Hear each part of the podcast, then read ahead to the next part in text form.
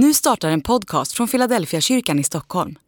Om du vill komma i kontakt med oss, skriv gärna ett mejl till hejfiladelfiakyrkan.se. Män är från Mars och kvinnor är från Venus. Känner du igen rubriken? Den kommer från en bok som är skriven av John Gray och den kom ut på svenska 2014. Jag ska direkt säga att jag har inte läst boken och den här predikan kommer inte att referera till den på någon enda punkt förutom rubriken. För den där rubriken har ju cirkulerat i lite olika varianter. Tanken att män är från en planet i universum och kvinnor från en helt annan. Det jag egentligen funderar på det är vad säger Bibeln om det här? Finns det tydligt definierade roller för män och för kvinnor? Finns det en ordning som vi ska leva i och i så fall hur beskrivs den? Nu är det semestertider och jag vet att eh, flera av er ni har liksom tid för relationen, efterlängtad tid, förhoppningsvis tillsammans. Och några av er har kanske tid som man inte har haft tidigare att försöka utveckla en relation med förhoppning att den ska bli något. Jag har, när jag har förberett den här predikan, tänkt att jag ska göra som Jesus. Jesus får i Matteus 19 en fråga från några fariseer om av vilka grunder man skulle kunna ha rätt att skilja sig. Det fanns på Jesu tid två stora skolor och det var bara män som hade rätt att skilja sig. Kvinnan ägde ingen talan. Bara där har vi den första stora konflikten. Men när Jesus ställs inför den här frågan så svarar han genom att ange skapelseberättelsen som ett gudomligt urmönster. Och så kommenterar han en lag som Mose har gett, som också finns i Bibeln, som är biblisk. Men kommenterar att den lagen har kommit till för våra hjärtans hårdhets skull. Och så säger han, men från början var det inte så. Det vill säga det verkar som att Jesus på något sätt organiserar bibeltexterna när han talar om det här komplicerade samspelet mellan män och kvinnor och utgår från att skapelseberättelsen den ger oss Guds grundmönster. Det är min utgångspunkt. Och därför vill jag ta dig med till skapelseberättelsen. Och egentligen hade jag tänkt att det här, den, hela den här predikan den rör både Alltså första Moseboks kapitel 1, kapitel 2 och kapitel 3. Men det blir för mycket att läsa.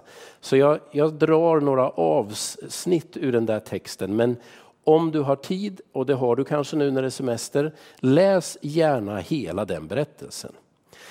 Men nu vill jag ta med dig till första Moseboks första kapitel och jag läser vers 26 till 31.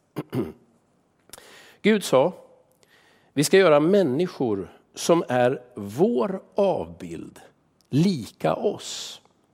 De ska härska över havets fiskar, himlens fåglar, boskapen, alla vilda djur och alla kräldjur som finns på jorden. Gud skapade människan till sin avbild. Till Guds avbild skapade han henne. Som man och kvinna skapade han dem. Gud välsignade dem och sa, var fruktsamma och föröka er, uppfyll jorden och lägg den under er. Härska över havets fiskar och himlens fåglar, över alla djur som myllrar på jorden. Och Gud sa, jag ger er alla fröbärande örter på hela jorden och alla träd med frö i sin frukt. Detta ska ni ha att äta åt markens djur, åt himlens fåglar, åt de som krälar på jorden, allt som har i liv i sig, ger jag alla gröna örter att äta. Och det blev så. Gud såg att allt som han hade gjort var mycket gott. Det blev kväll och det blev morgon. Det var den sjätte dagen. Utifrån skapelseberättelsen om man och kvinna så har jag nu fem punkter som jag vill dela med dig. Och det här är ju någonting jag hoppas att ni ska kunna samtala vidare om och tänka vidare om. Min första punkt det är att i skapelseberättelsen är det helt uppenbart att man och kvinna har samma gudomliga ursprung. Man och kvinna har samma gudomliga ursprung. Det här skiljer sig ju ifrån alla andra berättelser som fanns i den samtida världen. Och det som möjligen påverkade den nytestamentliga världen mest, det var ju de mytologier som fanns i den grekiska eller hellenistiska kulturen. Där namn som Sokrates, Platon, Aristoteles har varit de stora tänkarna, några av vår tids giganter. Men på en punkt så måste jag säga att mötet med Platon och med Aristoteles har gjort mig förskräckt och bestört. Och det är det som rör deras kvinnosyn. När Bibeln berättar hur Gud skapar man och kvinna som bägge gemensamt ska vara hans avbild och Gud ser det han har gjort och säger det här var mycket gott. Så är hela den hellenistiska tanken precis tvärtom. Känner du till det här uttrycket Pandoras ask? Det där kommer från den grekiska mytologin. Hör nu om bakgrunden. Pandora var den första kvinnan enligt grekisk mytologi som skapades och det var Hephaistos, smideskonstens gud, som formade henne. Men lyssna nu, det var en del av ett straff. Därför att Prometheus hade avslöjat eldens hemlighet för människorna. Och med sig får denna Pandora en ask av Zeus, men med order om att inte öppna den. Och enligt den här berättelsen så är det naturligtvis en man som blir förälskad i denna kvinna. Och så öppnar hon asken och ur denna Pandoras ask strömmar katastrofer över mänskligheten. Och när hon till sist får på locket då är det sista som finns kvar i botten någon sorts hopp. Men bara så du förstår, i den grekiska mytologin, där sågs kvinnan som en del av straffet för människans olydnad. Och det är kvinnan som öppnar locket till alla de olyckor som väller över mänskligheten. Så annorlunda mot Bibelns berättelse.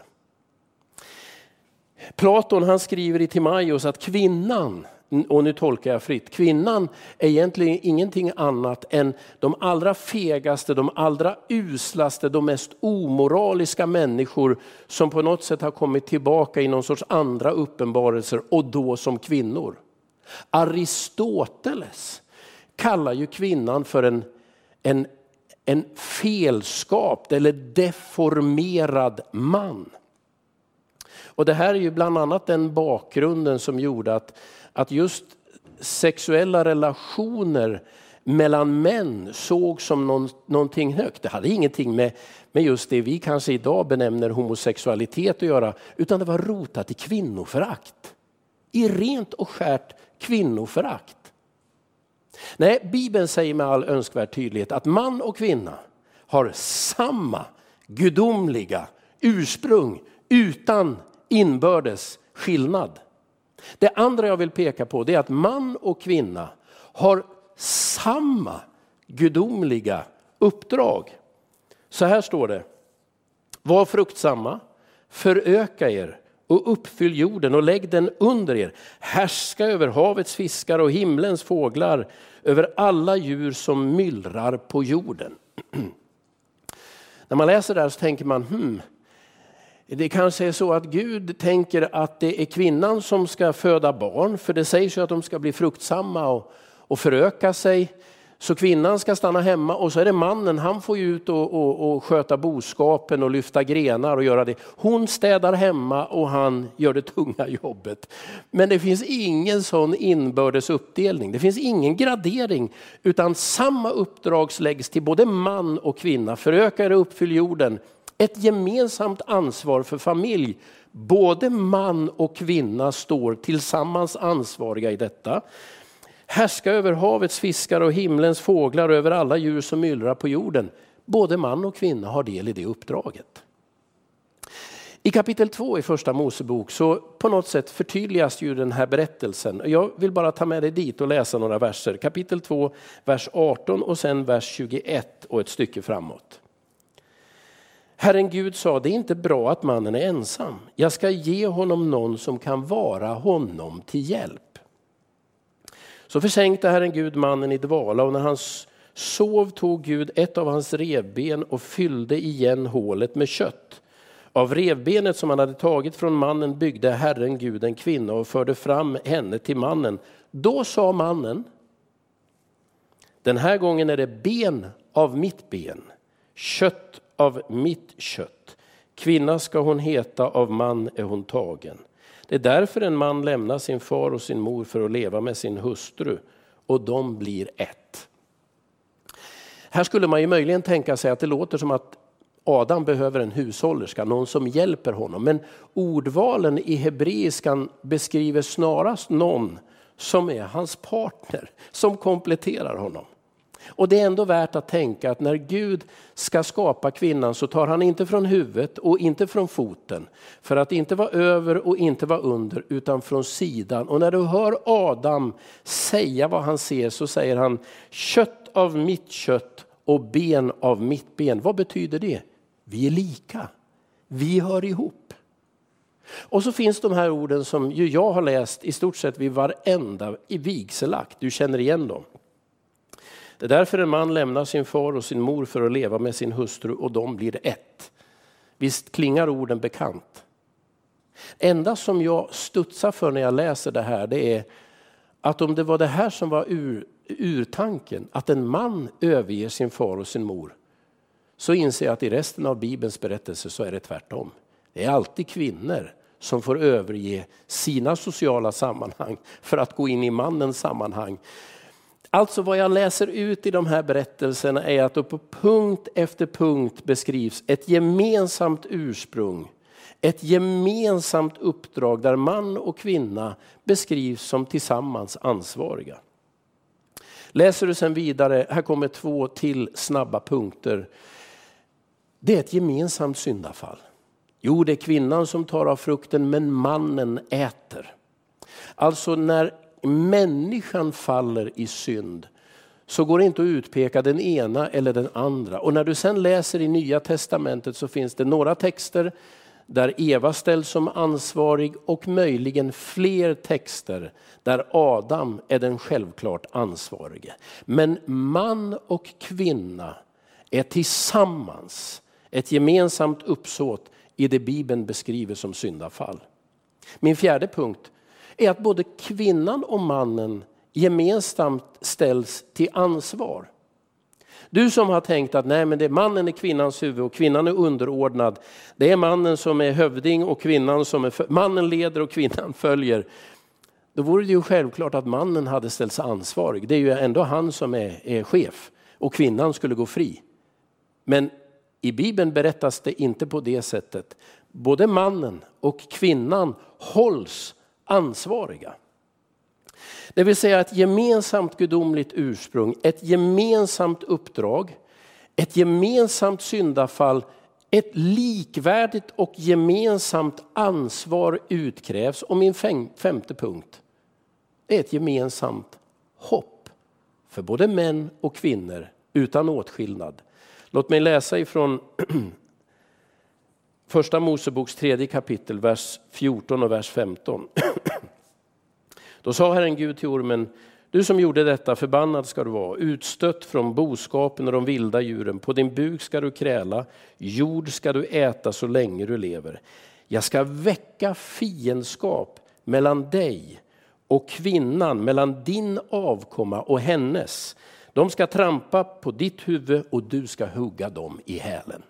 Genom hela kyrkans historia har det här varit det första löftet om frälsningen. Ormen som förleder man och kvinna ska inte gå segrande ur striden. Utan Gud ska uppväcka fiendskap mellan ormen och kvinnans säd. Och vi har alltid tänkt, det är Jesus, född av kvinna, att vara frälsare, lika för man och lika för kvinna. Det vill säga i skapelseberättelsen, om vi nu tänker som Jesus, att det här är någon sorts ursprungstanke. Här är vi tillbaka till det Gud från början tänkte. Då är det samma ursprung, samma uppdrag, samma syndafall, samma ansvar, samma hopp. Det vill säga, jag kan inte hur jag än vänder och vrider på den här berättelsen utläsa av någon sorts traditionell mansroll eller någon traditionell kvinnoroll. Det jag däremot kan utläsa är att man och kvinna kompletterar varandra. Kvinnan och mannen, så sägs det ju i det andra kapitlet, den artonde versen, de står emot varandra eller tillsammans som kompletterande storheter. Så det jag ser när jag läser den här berättelsen det är att man och kvinna, de är två olika men med samma ursprung, samma uppdrag, samma syndafall, samma ansvar, samma hopp. Ändå två olikheter. Men olikheten är inte definierad. Däremot är den konstaterad. Den är heller inte värderad. Det finns inte någon överordning eller underordning utan det är en sidordning. Vi är olika, men hur vi löser det tillsammans, hur vi lever tillsammans, det skulle jag tolka när jag läser den här berättelsen, att vi löser bäst tillsammans. Det finns inte en biblisk ordning som från början ska läggas över alla. Efter detta kommer andra bibliska texter med andra inspel. Men om man ändå tänker detta är den gudomliga ordningen och det som jag menar att vi ska eftersträva. Då handlar det om att i varandra se att vi har ett gemensamt ursprung. Här finns ingen skillnad. Kvinnor är inte från Venus, män är inte från Mars. Vi kommer båda från samma gudomliga skapare. Vi har bägge samma gudomliga kallelse att vårda denna skapelse. Vilket för mig betyder att män och kvinnor i Guds grundtanke kan tjäna sida vid sida på det sätt som bäst befrämjar hans verk. Vi kan båda luras till synd. Ingen är sämre, ingen är bättre. Vi kämpar, både män och kvinnor, med risken att trampa fel. Både man och kvinna ställs gemensamt ansvariga och tillsammans. Ingen överordning, ingen underordning. Och vare sig du är man eller kvinna så delar du samma hopp som hela mänskligheten. Att till sist kommer Jesus vinna segern och befria oss ifrån ondskan. Med de här tankarna så skulle jag bara vilja säga att jag tror att man och kvinna står sida vid sida, är jämbördiga. Och att vi alla, vare sig vi är män eller kvinnor, behöver leva i hoppet om att Jesus är den som till sist ska vinna seger. Var med mig nu så ber vi tillsammans. Herre Jesus Kristus, jag vill tacka dig för att du själv valde att använda skapelseberättelsen när du adresserade din tids stora frågor om samliv och gemenskap. Och nu ber jag dig, hjälp också oss i vår tid att se vad är Guds grundtanke? Hur ska vi leva tillsammans? Och så vill jag den här dagen be en särskild bön för relationer där det gungar, där man inte kan dra jämnt och inte hitta varandra. Herre, låt hoppet om att du på något sätt ska kunna bilägga konflikter, hitta lösningar, ge gemenskap. Låt det växa hos människor. Låt människor se att när de i kärlek sträcker sig mot varandra så är det någonting mycket gott i dina ögon.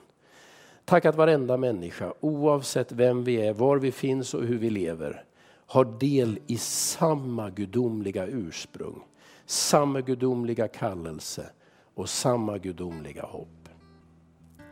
Amen.